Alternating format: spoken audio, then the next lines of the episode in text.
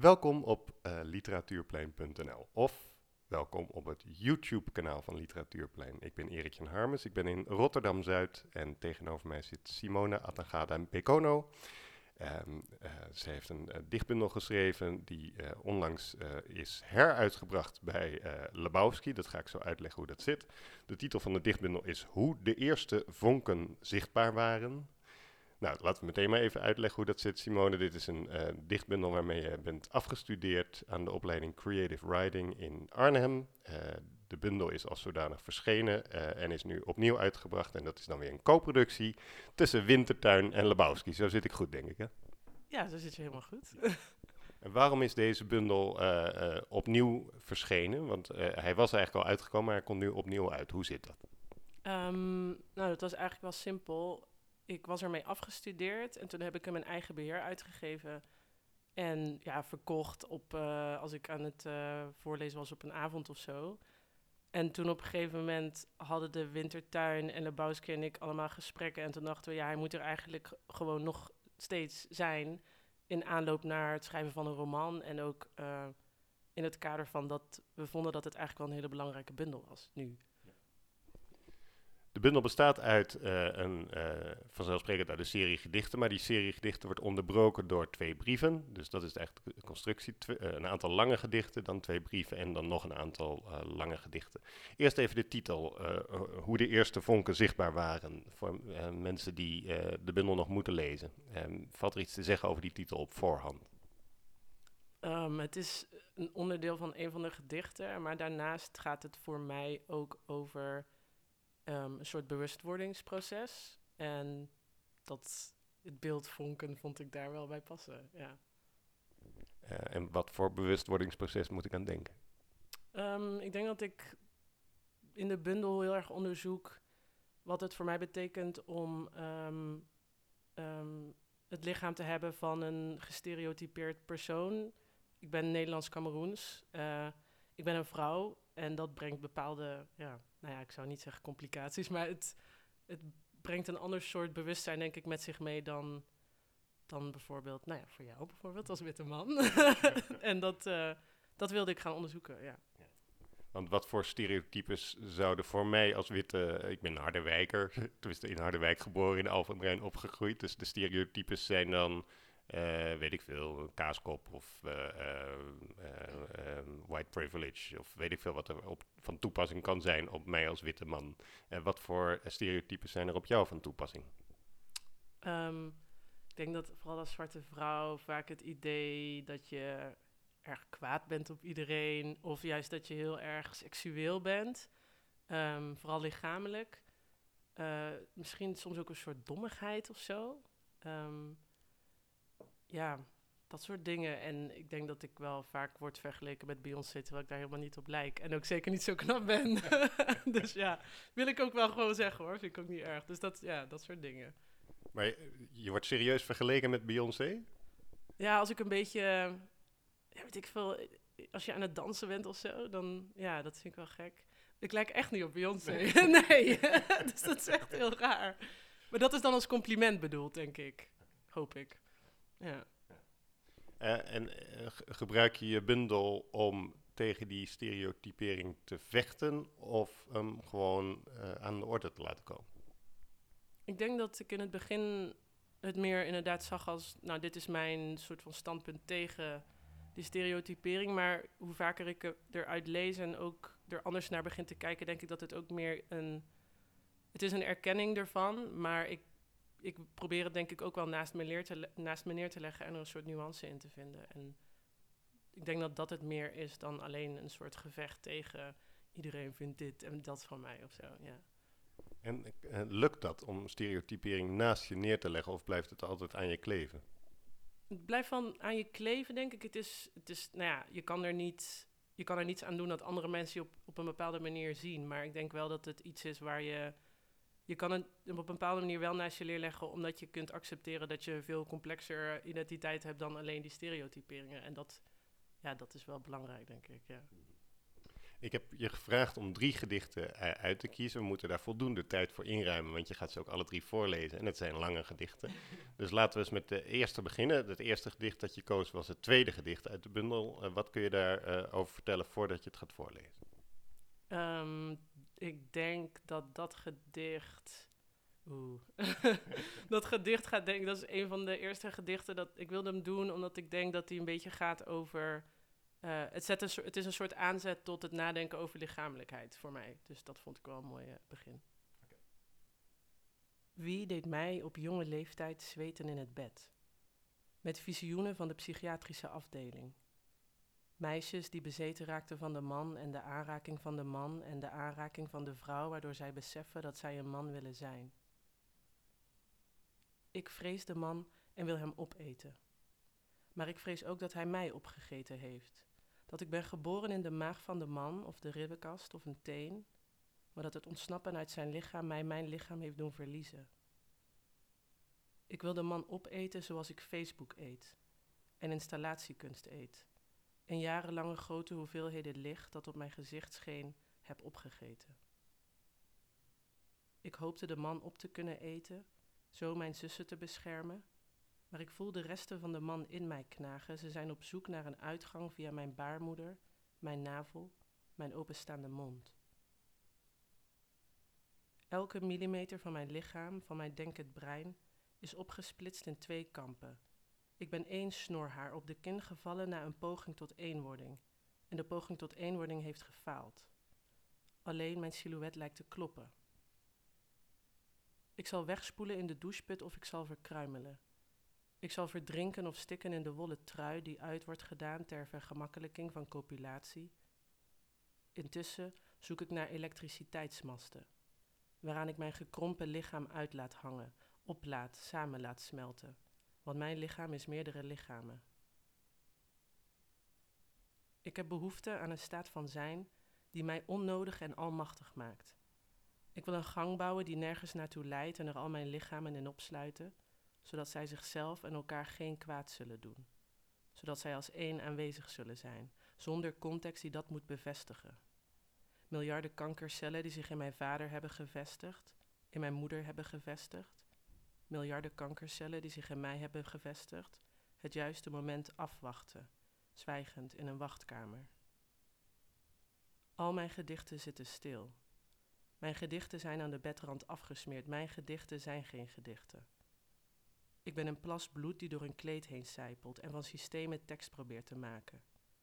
De systemen vroegen: Wat kan jij doen nu jij dat weet? En ik was stil. Ik besloot op vakantie te gaan. Nou heb ik altijd geleerd dat je nooit moet vragen ehm, ehm, om een letterlijke uitleg van een gedicht. Maar we kunnen wel praten over regels uit je gedicht. Bijvoorbeeld, uit het, ehm, bijvoorbeeld over het uit meerdere lichamen bestaan. Nogmaals, leg het niet uit, maar vertel eens hoe je eh, op dat idee bent gekomen om jezelf uit meerdere lichamen te laten bestaan. Oeh. ja, lastige vraag. Nee, goede vraag eigenlijk. Ehm, ik denk dat het voor mij te maken heeft met een soort. ehm, dat je je op verschillende manieren tot je lichamen kunt verhouden. Dat je dat ook wel leert te doen door. Nou ja, niet alleen door soort van te erkennen dat je lichaam nou eenmaal functioneert zoals het is en dat het eruit ziet zoals het eruit ziet, maar ook dat je ja, ik weet niet. Ik kan me op een gegeven moment dat ik ineens denk van, oh ja, ik heb van bepaalde soorten armen of zo. En die, ik weet niet, wat- ik weet het, ik kan niet zo goed uitleggen, maar ehm, Nou, laten we daar eens op door. Ja. Sorry hoor, maar eh, je zegt be- de, de bepaalde soorten armen. ja, Ehm, dus bedoel je daarmee dat je verschillende dingen met die armen kan doen? Je kan, je kan juichen, omarmen, weet ik het wat? ja, precies. En daar zitten ook verschillende emoties in of zo. Ehm, maar even heel, maar dus ook dat, ik bijvoorbeeld, ik heb best wel sterke armen en daardoor ook redelijk brede schouders. En dat is een, ja, dat is iets wat van mij is. Ehm, daar valt vast wat over te zeggen door iemand die, die, daar misschien, die dat misschien niet mooi vindt of juist wel. Maar ze zijn ook deel van mijn identiteit, omdat ik daardoor op een bepaalde manier mezelf ook verhoud tot anderen of zo. Dus dat, dat vind ik wel, dat vond ik interessant om uit te zoeken. En ik denk dat het ook te maken heeft met, ehm, verschillende manieren waarop je niet alleen naar jezelf kijkt, maar ook waarop anderen jou zien en zich tot jouw lichaam verhouden. Waardoor je eigenlijk een soort fluïde, ja, je lichaam houdt niet alleen op bij de, de vorm die die heeft. En dat vond ik wel ja, interessant om te gebruiken. Is dat ook een bewustzijn waarmee je hier, ik bedoel, je woont nu ehm, in Rotterdam-Zuid. Op het moment dat je hier naar buiten loopt, ben je dan ook bezig om jezelf te verhouden? Bijvoorbeeld tot de mensen die je op straat tegenkomt? Ja, ik denk het wel. Ja, en in elke plek waar je komt, doe je dat ook op een andere manier. Ik ben me daar altijd heel bewust van, dus dat is ook wel onderdeel ervan. Ja, ik ben daar, ik ben daar heel erg mee bezig. En ik- nou, meer niet mee bezig als in dat ik het actief doe, maar ik ben me er bewust van dat ik dus op het moment dat je de deur stapt, dat je een bepaalde, ja, je, ja, er gebeurt iets of zo. Ja. En, en wie verhoudt zich dan tot wie? Eh, in de zin, verhoud jij je tot anderen? Of, eh, ik bedoel, niet iedereen zal op die manier hier in Rotterdam over straat lopen. Dus hoe gaat zoiets dan in zijn werk? Ik denk dat. Ehm, ik denk eigenlijk dat stiekem iedereen zich tot elkaar verhoudt de hele tijd. Maar ik denk inderdaad niet dat iedereen ermee bezig is. Ik, ik denk dat ik opmerk dat, dat verschillende mensen an, op verschillende manieren op mij reageren. En dat hoeft niet per se te maken, hebben met, te, maken te hebben met, weet ik veel, eh, dat ik half Afrikaans ben. Maar misschien, ja, ik weet het niet. Ik denk dat iedereen leest iets in een ander en daar, daar verhoud je je dus toe. Maar dat doe je instinctief, meestal. Ja.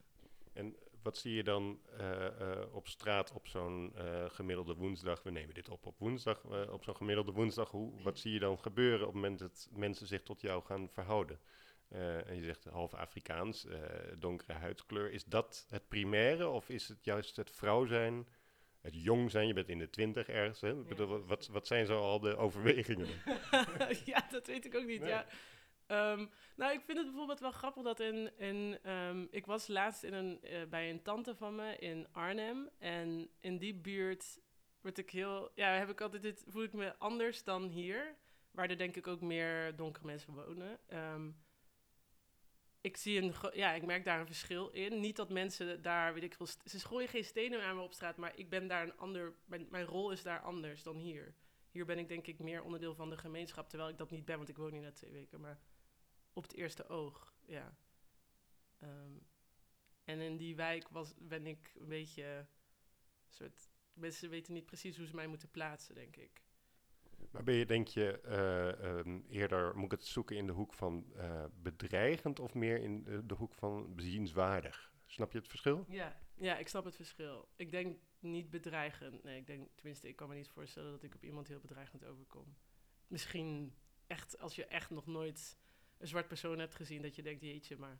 Nee, maar ik denk dat het inderdaad meer een soort bezienswaardig ding is, ja.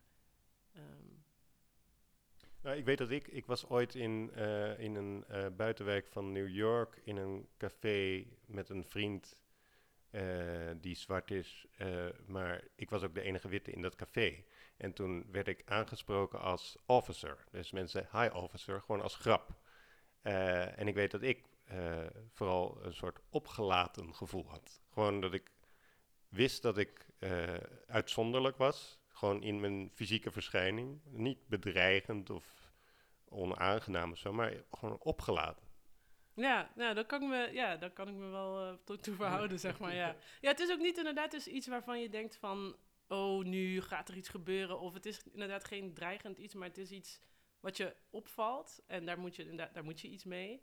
En tegelijkertijd moet je er niks mee, want je doet, niemand doet iets raars of verkeerds. Maar het is gewoon de erkenning van het feit dat jij eigenlijk daar... ehm, ja, het is ook niet, niet thuis, maar... ehm, dat je overduidelijk niet van daar bent, eigenlijk. Dat is het ook wel een beetje, misschien. Maar, ja, maar tegelijkertijd gaat- ligt er ook een soort mogelijke laag achter of zo. Van xenofobie, eh, racisme, weet ik veel. Maar dat kan er wel of niet aan te pas komen, snap je? Ja, ja, absoluut, ja. ja. Die, kijk, die laag is er sowieso. Ja, daarom leven we in een, ja, weet ik veel, een geracialiseerde samenleving. Dus daar komt, kom je niet echt aan. Nee. Nee.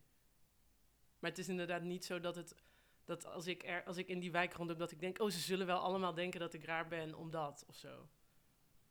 Moet je niet ook af en toe... eh, want ik kan me voorstellen dat als je voortdurend jezelf aan het verhouden bent tot anderen... dat je daar op een gegeven moment ook een beetje horendol van kan worden. Moet je dat niet af en toe ook uitzetten? Ja, en dat kan ik ook wel. Nou, zeg maar, het is meer wat ik zeg. Ik erken dat het een instinctief ding is. Ik doe er verder niks mee. Het is niet dat ik dan denk, zie je wel of zo. Nee, dat valt me gewoon op. Dat weet ik dan. En dan gaan we weer verder. En waar let je dan op als je er poëzie van wil maken? Want dat is natuurlijk, de, het eerste is leven eigenlijk. Hè? Dat je gewoon je verhoudt tot mensen om je heen in een samenleving. Maar er poëzie van maken is weer wat anders. Hier gaat het ook bijvoorbeeld over het opeten. Hè? Dus het opeten van een man of opgegeten worden door de man. Zijn dat associaties eh, waar je dan mee werkt? Ehm, ja. ja, ja, ja. Nee, ja, ik, ehm, ik denk dat als ik bezig ben met poëzie, dan probeer ik het te abstraheren tot een, tot een dan weer een ander beeld, zeg maar. En ja, ik, ehm, ik weet niet, ik heb, ik heb altijd een heel duidelijk idee bij het consumeren van lichamen, maar niet per se op een letterlijke manier, eh, die, die hier voor mij eh, ja, heel erg iets mee te maken heeft. Ja. Leg eens iets uit over het consumeren van lichamen, wat je daarmee bedoelt. Ik nu moet zeggen. Ehm, nou, het heeft bij mij iets, denk ik ook iets te maken met. ehm, op het moment dat je, dat, je, dat je iemand probeert, ja, niet probeert te plaatsen, want het gaat niet alleen maar over van, oh wat, maar ehm, je lichaam is ook iets wat, omdat het dus niet alleen ophoudt bij je fysieke verschijning, je lichaam is meer dan dat, je lichaam is ook, staat ook in contact met dingen, kan je daar, daar wordt mee gespeeld of zo, dat wordt ook van je verwacht om op een, ja, ik kan niet helemaal goed uitleggen, het is voor mij heel duidelijk wat dat betekent, maar het is niet, het is niet een concreet eh, idee of zo. Het is iets waar, waarvan ik denk van dat, dat is onderdeel van, dat, dat heeft bij mij te maken met identiteit. Maar we moeten toch even naar dat woord consumeren. Want je bedoelt dus niet letterlijk opeten, want dan zou het canniba- cannibalisme zijn, zeg maar. maar je bedoelt dan ehm, ehm, misschien iets van eh, ehm, letterlijk eh, in elkaar opgaan, bijvoorbeeld? Ja, ja. ja, en ook het heeft iets. Ja, consumeren heeft ook iets kapitalistisch. Hè? Wat ik wel interessant vind van hoe, hoe, je, hoe wij als lichamen ons ontwikkelen in een kapitalistische maatschappij. Niet per se om te zeggen van eh, ik, ik haat het of zo. Maar het is, ik denk dat je ja, ik denk dat je je anders, dat je op een bepaalde manier ontwikkelt. Die, die heeft, ja, het heeft iets met consumptie te maken, maar, maar misschien ook dus ehm, het, het aankleden, ehm, het, hoe je je verzorgt, eh, dat soort dingen. Ehm, ja, denk ik dat.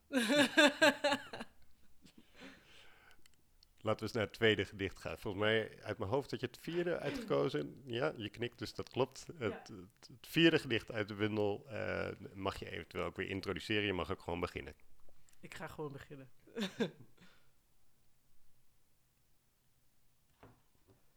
Gezang van het koor kleeft aan de voeten van de priester. Hij is koortsachtig aan het dansen. Het huis wikkelt zich om hem heen, zijn benen verkrampen. Alle andere hoofden in de ruimte zijn gebogen. Alle zwarte mensen identificeren zich met gebroken mensen.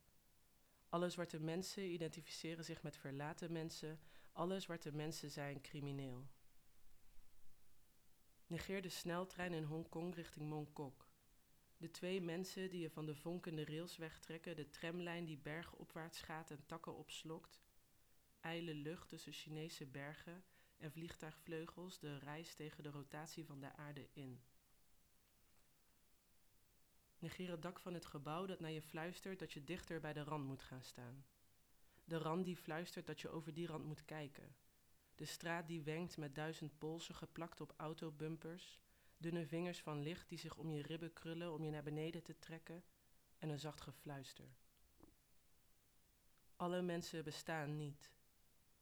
Alle zwarte mensen identificeren zich met verlaten mensen en alle zwarte mensen bestaan niet.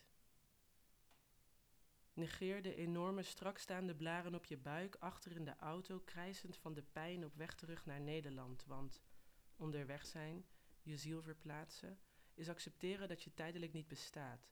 En dus bestaat de pijn ook niet.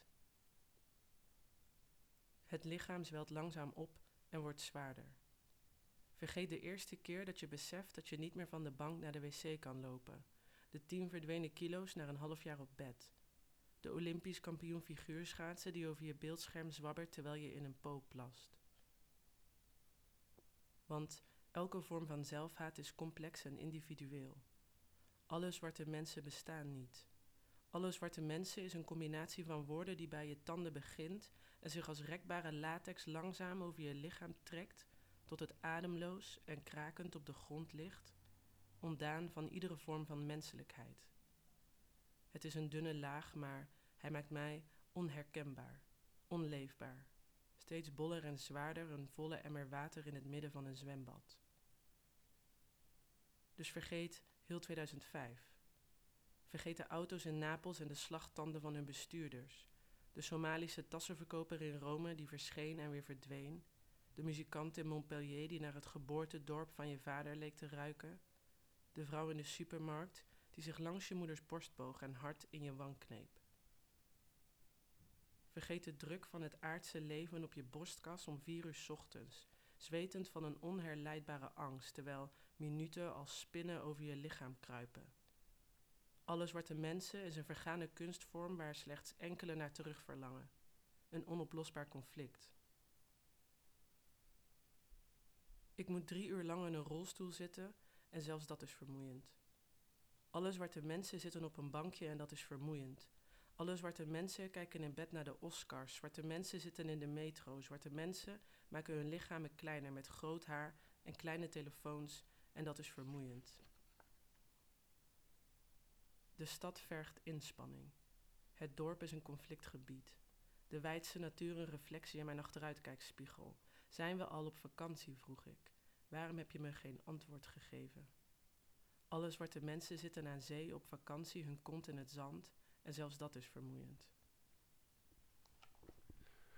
Ehm, ook het tweede gedicht dat je net voorlas eindigt met vakantie. Dus hier is opnieuw uh, uh, vakantie uh, het sluitstuk van het gedicht. Um, waarom is dat? Um, ja, dat is, een, het is eigenlijk een soort grapje of zo. ik denk dat het is een soort verlangen altijd, omdat je dan zegt van ik wil op vakantie gaan. als je, weet ik veel, heel moe bent of zo. maar het gaat bij mij heel erg over het de, de mogelijkheid om te kunnen ontsnappen aan bepaalde stigma's, die er natuurlijk niet is. Ehm, en vakantie is daar eigenlijk een soort metafoor voor. Om ja, die plek vinden waar je bestaat zonder die, die connotaties. Mhm. Ja. En je schrijft, alle, zwart, alle zwarte mensen bestaat niet. Hè? Dus niet bestaan niet, maar bestaat niet. Dus dat beeld, dat stigma bestaat niet. Ja, ja dat is ook zo. Ja. ja. nee, dat is zo. Want dat, dat is natuurlijk het idee van alle zwarte mensen is. Dat, dat, dat, houdt niet stand. Ook al doen, we, doen mensen daar heel erg hun best voor. Ja. Daarvoor, zijn, daarvoor, is, daarvoor is het een te complexe en grote groep mensen. Dus ja. En het gaat in dit gedicht over een, nou ja, er wordt een soort perspectief van bedlegerigheid geschetst. Hè? Um, je niet kunnen verplaatsen, het afhankelijk zijn van een po, uh, zo'n beeld. Wat is er precies aan de hand in het gedicht? Mm, nou, het gedicht combineert eigenlijk twee dingen. Het gaat aan de ene kant over. Um, ik ben een tijd heel erg ziek geweest en toen, uh, toen had ik een soort rare zenuwziekte en toen ben ik een half jaar um, tot aan mijn middel verlamd geweest. En dat is daarna door therapie en zo moet je dus weer op een bepaalde manier leren jezelf, je lichaam te dwingen om weer te functioneren. En dat geeft je een heel raar bewustzijn van je lichaam. Um, daarnaast um, voel ik een soort, denk ik dat het gaat over dat, dat het gevoel um, om dat je aan de ene kant, je bent je bewust van allerlei processen die zich, die zich uh, voordoen maar daar niks aan kunnen doen. Wat een soort heel, ja, dat kan een soort verzwaard gevoel geven. En je, alle dingen, veranderingen die je probeert aan te brengen in jezelf, in je omgeving, zijn altijd gewoon een, ja, een, een hoe noem je dat, een, een druppel op de hete kookplaat. Ja, en dat is, nou, dat is vermoeiend. ja, letterlijk. En um, hoe lang geleden is was dat dat je niet meer uh, kon lopen? Uh, toen was ik negen. Je bent nu? 26. En was dat, ehm, dat is misschien een hele rare vraag, maar was dat alleen maar onprettig?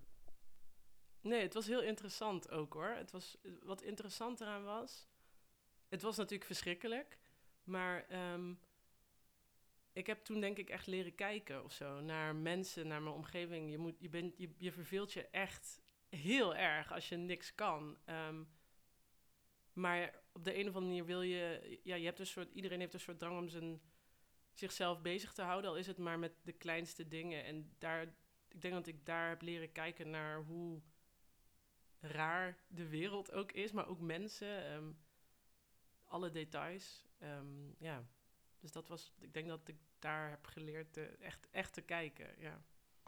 Nou, en ook iets anders wat ik opeens bedenk. We hadden het natuurlijk het over het je tot de wereld verhouden. Je, je, gaat, je gaat de straat op en je begint met je te verhouden tot de, tot de mensen. Maar als je niet kan lopen, lig je op de bank of op je bed eh, en komen mensen naar je toe. Dat is natuurlijk een heel andere manier van leven. Ja, het is een, hele andere, een heel ander bewustzijn, ja. Ehm, waar, ook een waar, waardoor je soms uh, de passiviteit vergt van andere mensen heel veel activiteit. En die, ja, dat, nou, het is niet een verantwoordelijkheidsding, maar het is wel interessant hoe dat, hoe dat zich toch tot, tot elkaar verhoudt en tot hoe ver dat ook kan gaan. Ja.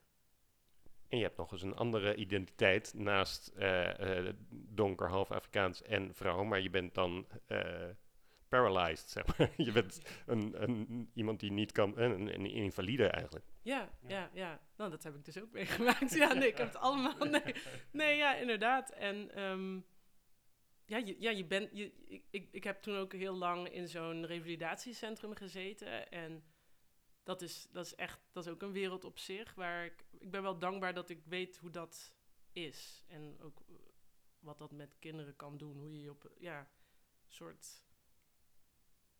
Ik weet, ik weet niet. Ik, ik denk dat het heel goed is dat ik dat heb meegemaakt. Um, omdat we daar denk ik als mensen niet zo vaak over nadenken, over wat er gebeurt. Of tenminste hoe je je tot de wereld verhoudt als je niet, um, nee, niet alles met je lichaam kan doen wat, je, wat, wat andere mensen wel kunnen, zeg maar. Ja. Wat heeft het voor jou gedaan? Mm, ik denk dat ik daardoor... Um, nou ja, het, het, gaat ook een beetje over dat, dat niet, niet per se medelijden hebben, maar ook zien, zeg maar, dat. Um, niet, dat het, gaat niet, het is niet zielig of zo. Het is gewoon zo. Voor die mensen, voor, voor mij toen ook. En je, je leert hoe te leven met beperkingen die je niet per se um, een minder mens maken, denk ik. Of misschien zijn het niet eens beperkingen, weet je wel. Gewoon een bepaalde toestand die, nou ja, voor anderen dan misschien abnormaal is. Maar die nog steeds evenveel geeft. En dat is, dat is wel belangrijk, denk ik, om te weten. Dat, ja, dat is wel kennis die niet iedereen meekrijgt, denk ik, zo vroeg op zijn leven. In zijn leven. En zijn er momenten waarop je uh, um, um, daar nog naar terug verlangt? Nee, nooit. Nee. nou, misschien, ja, ik keek toen heel veel tekenfilms. Dus dat, en dat, ja, dat, ik, ik zit nooit meer in zo'n zo'n heel traag, beetje lethargische, wat ik ook niet, ik mis het niet, maar soms, ja nee, soms, soms mis ik dat, dat je gewoon niks, niks, gewoon niks. Um, wat daar toen heel, soms heel eng was, dat er niks was om te doen, dat ik, ik kon niks. Um, maar het zorgt er ook voor dat er niks uh, van je wordt verwacht. Wat ook wel gek is of zo. Echt helemaal niks. nee, maar dus, dus niet alleen maar. Um, uh, nou, sowieso niet alleen maar verdrietig is, want je geeft al aan van het is gewoon zoals het is. Maar dus ergens ook iets van aantrekkelijkheid heeft, omdat het een soort vacuüm is waarin werkelijk niets van je wordt verwacht. Ja, een soort totale. Nou, tenminste, dat, ik bedoel, alle kinderen daar hadden een andere, een andere situatie. Maar bij mij, kijk, omdat het bij mij een korte periode was, het was een half jaar, drie maanden revalidatie heb ik heel kort, ben ik ook wel echt heel passief geweest, inderdaad. En dat, daar raak je heel snel aan gewend. En je wil het niet, maar als je daaruit gaat, heb je soms een soort rare, ja, inderdaad, een soort terugverlangen naar een soort totaal gebrek aan verantwoordelijkheid. Ja. Waar je ook wel schuldig over voelt dan, maar dat is toch wel zo, ja. Ja, zeker. We gaan naar het derde en laatste gedicht uit de bundel. Ik weet niet meer welke het was, de achtste geloof ik. Ja, ja klopt. Een achtste, het achtste gedicht. Uh, facultatief is weer de introductie, die mag je ook overslaan. Oké. ik denk dat dit het meest abstracte gedicht is, dat kan ik wel zeggen, denk ik. Burundi, Kamerundi, Yemaya en Sufi. Ik wikkel je kind in zijde. Lief moedertje, ik wikkel het kind in zijde tot het kind zelf van zijde is. Een tot prop gewikkelde lap zijde die langzaam en met moeite ademt, maar hij ademt wel, dat wel. En hij zal zich heus een keer voort gaan bewegen. Daar hoef je je geen zorgen over te maken. Laat het achter op een busstation. En samen in een modderpoel liggen. Samen de modder over onze lichamen uitsmeren. En samen in de zon liggen tot onze lichamen en de modder hard worden en afbrokkelen als wij opstaan. En als we opstaan hebben we geen lichamen meer en moeten we ons verstoppen als krabben zonder schild. Tussen de palen, overladen met vastgekoekte schelpen, grijs en blauw en groen koraal en zingende mosselen. Nee, niet verstoppen. We lopen lichaamloos van het duin naar de zandweg en van de zandweg naar de provinciale weg en naar het dorpsplein. En op het dorpsplein kijken ze ons na en wij maar lachen. Hierna vergat ik het punt dat ik wilde maken. Er zou een kwestie komen, of in ieder geval een bepaalde omstandigheid, een gedicht dat met een omweg zou bewijzen dat, dat ik mijn lichaam niet meer kan bezitten dan dat mijn lichaam mij bezit, zoiets. Er zou een oproep worden geplaatst en een lang stuk over vitaal lichaam. U mag de hoop opgeven. Als u wil, mag u branden. Als u wil, mag u uzelf versleten voelen of juist verkeerd in elkaar gezet. Een oproep aan alle lichamen zou het worden. U mag aan uw verdriet denken bij elke lege stoel die u aan een eettafel ziet staan. U mag aan uw verdriet denken bij elke snorhaar die uw vader secuur afknipt. U mag aan uw eigen verdriet denken bij elke protagonist die zonder zijn liefje verder moet, of het kante detail op de blouse van uw moeder, of de erten uit een potje die bij u thuis niet geprakt mogen worden. U mag de hoop opgeven, in elk plasje water het gevaar zien, in elke traptreden de laatste. Ja, geef de hoop op, maar lach. Verlang naar een onbeoordeeld lichaam, maar lach. Vitaal meisjeslichaam, lach. Vitaal jongenslichaam, kronos, kindje, modderpoel, Burundi, Kamerundi. Geisha met opgestoken haar en zwartgeverfde tanden lag. Maar neergeschoten student lag harder. In tweeën gehakt luipaard lag harder, man in sauna lag harder. De plant duwt bij harde wind zijn bladeren tegen zijn geraamte, als poriën sluitend in winterlucht.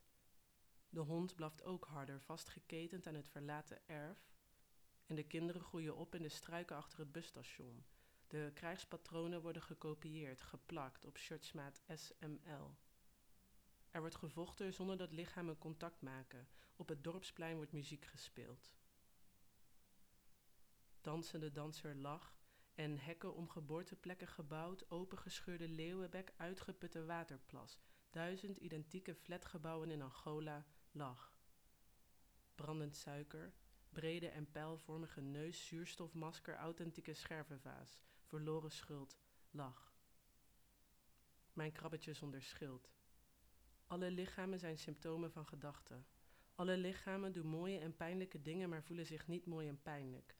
Alle lichamen zijn ingevet met dikke crèmes, gewikkeld in zijde en hun lach echoot mee. Ja, Simone, je gaf zelf al aan van dit is misschien het meest abstracte gedicht uh, dat je nu tot slot hebt voorgelezen voor uh, luisteraars naar deze podcast, uh, de bezoekers van Literatuurplein, de website, um, die misschien niet zo vertrouwd zijn met poëzie, die krijgen dit om de oren geslagen. Hoe kun je dit het beste lezen? Want dit lijkt wel als een, als een gedicht dat over alles gaat. ja, het is ook wel een beetje zo, ja. Het is een beetje een een, het is een oproep, ja. Maar ik weet ook niet precies waartoe. Um, ik, denk, ik denk dat het... Het was voor mij een gedicht dat bestaat uit de meeste verschillende soorten teksten die ik heb uh, geschreven toen ik de bundel aan het maken was. En het, voelt heel, het voelde ook heel concreet, maar ik, ik lees er zelf soms ook dingen in dat ik denk, ik weet niet precies wat de relatie is, maar hij klopt wel Vind, vind ik tenminste. ja. Nou ja, er zit een oproep in, hè, een oproep aan alle lichamen bijna. Hè, je had het net over het kapitalisme, zeg maar. Nou, een, een, hè, het is bijna als een soort eh, eh, arbeiders, alle landen verenigt u, hè, dat tegenovergestelde van kapitalisme. Maar is, dus, is het een soort oproep aan alle lichamen? Misschien wel, ja. Ehm, en ook alle, ehm, ja, alles wat daarmee komt, alles wat lichamelijkheid in kan houden misschien. Ehm, en een soort, ik denk dat het ook wel gaat over ehm, lichamen die misschien dus inderdaad buiten een norm vallen, al- wat die norm dan ook mag zijn. eh. ja, het gaat, het gaat voor mij ook heel erg over isolatie. ehm. ja, dus het is in dat opzicht een soort totaalgedicht over het lichaam misschien. Ja, ja misschien wel. De, ja, de, de, hoe bizar het is, het lichaam soms. Ja, zoiets. Bizar in, op welke manier? Nou ja, ik denk dat als je, als je inzoomt of zo, mm, ook, ja, je, ook, ook hoe dingen zich manifesteren in je lichaam, ook mentale dingen die zich kunnen manifesteren in je lichaam. Je lichaam is zo, het lichaam is echt een heel raar ding of zo. en dat vind ik wel heel mooi.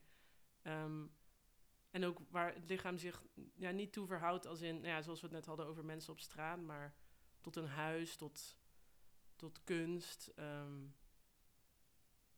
ja, de, de, de natuur, dat soort dingen, ja. Een slotvraag is vrij bizar, maar toch op een manier heel logisch. Ben je tevreden over je lichaam? Hmm. ik, ben wel, ik ben wel blij met, eh, met wat het... Ja, ja ik, het is soms lastig om, ehm, om ook met je... Nou ja, ik denk ook wel in, in relatie tot... Ik denk dat, dat, dat vooral wij in het Westen de, de, de verbindenis tussen lichaam en geest soms niet helemaal kunnen vatten. ehm, hoeveel invloed het een op het ander heeft. Maar ik vind het wel interessant om daar eh, bij mezelf in ieder geval ja, de balans in te vinden. Of juist de, de, het gebrek aan balans en te beseffen hoe dingen zich in mijn lichaam hebben gemanifesteerd.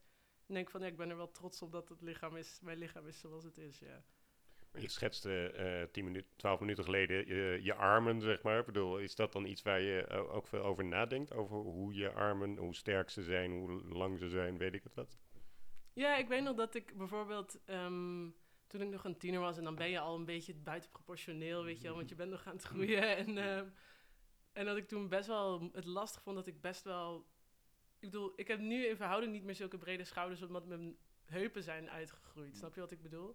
Maar toen was het echt zo'n ding dat ik van die, van die schouders had en van die lange, sterke armen. En dan denk ik, ja, dat vind ik echt wel fijn. Ik vind het wel fijn dat ik echt sterk ben, bijvoorbeeld. Ja, dus ehm, dat is iets waar ik me bewust van ben geworden, waar ik me, waar ik me, waar ik me ja, niet bij neer heb gelegd, maar waar ik me toe ben gaan verhouden, zeg maar.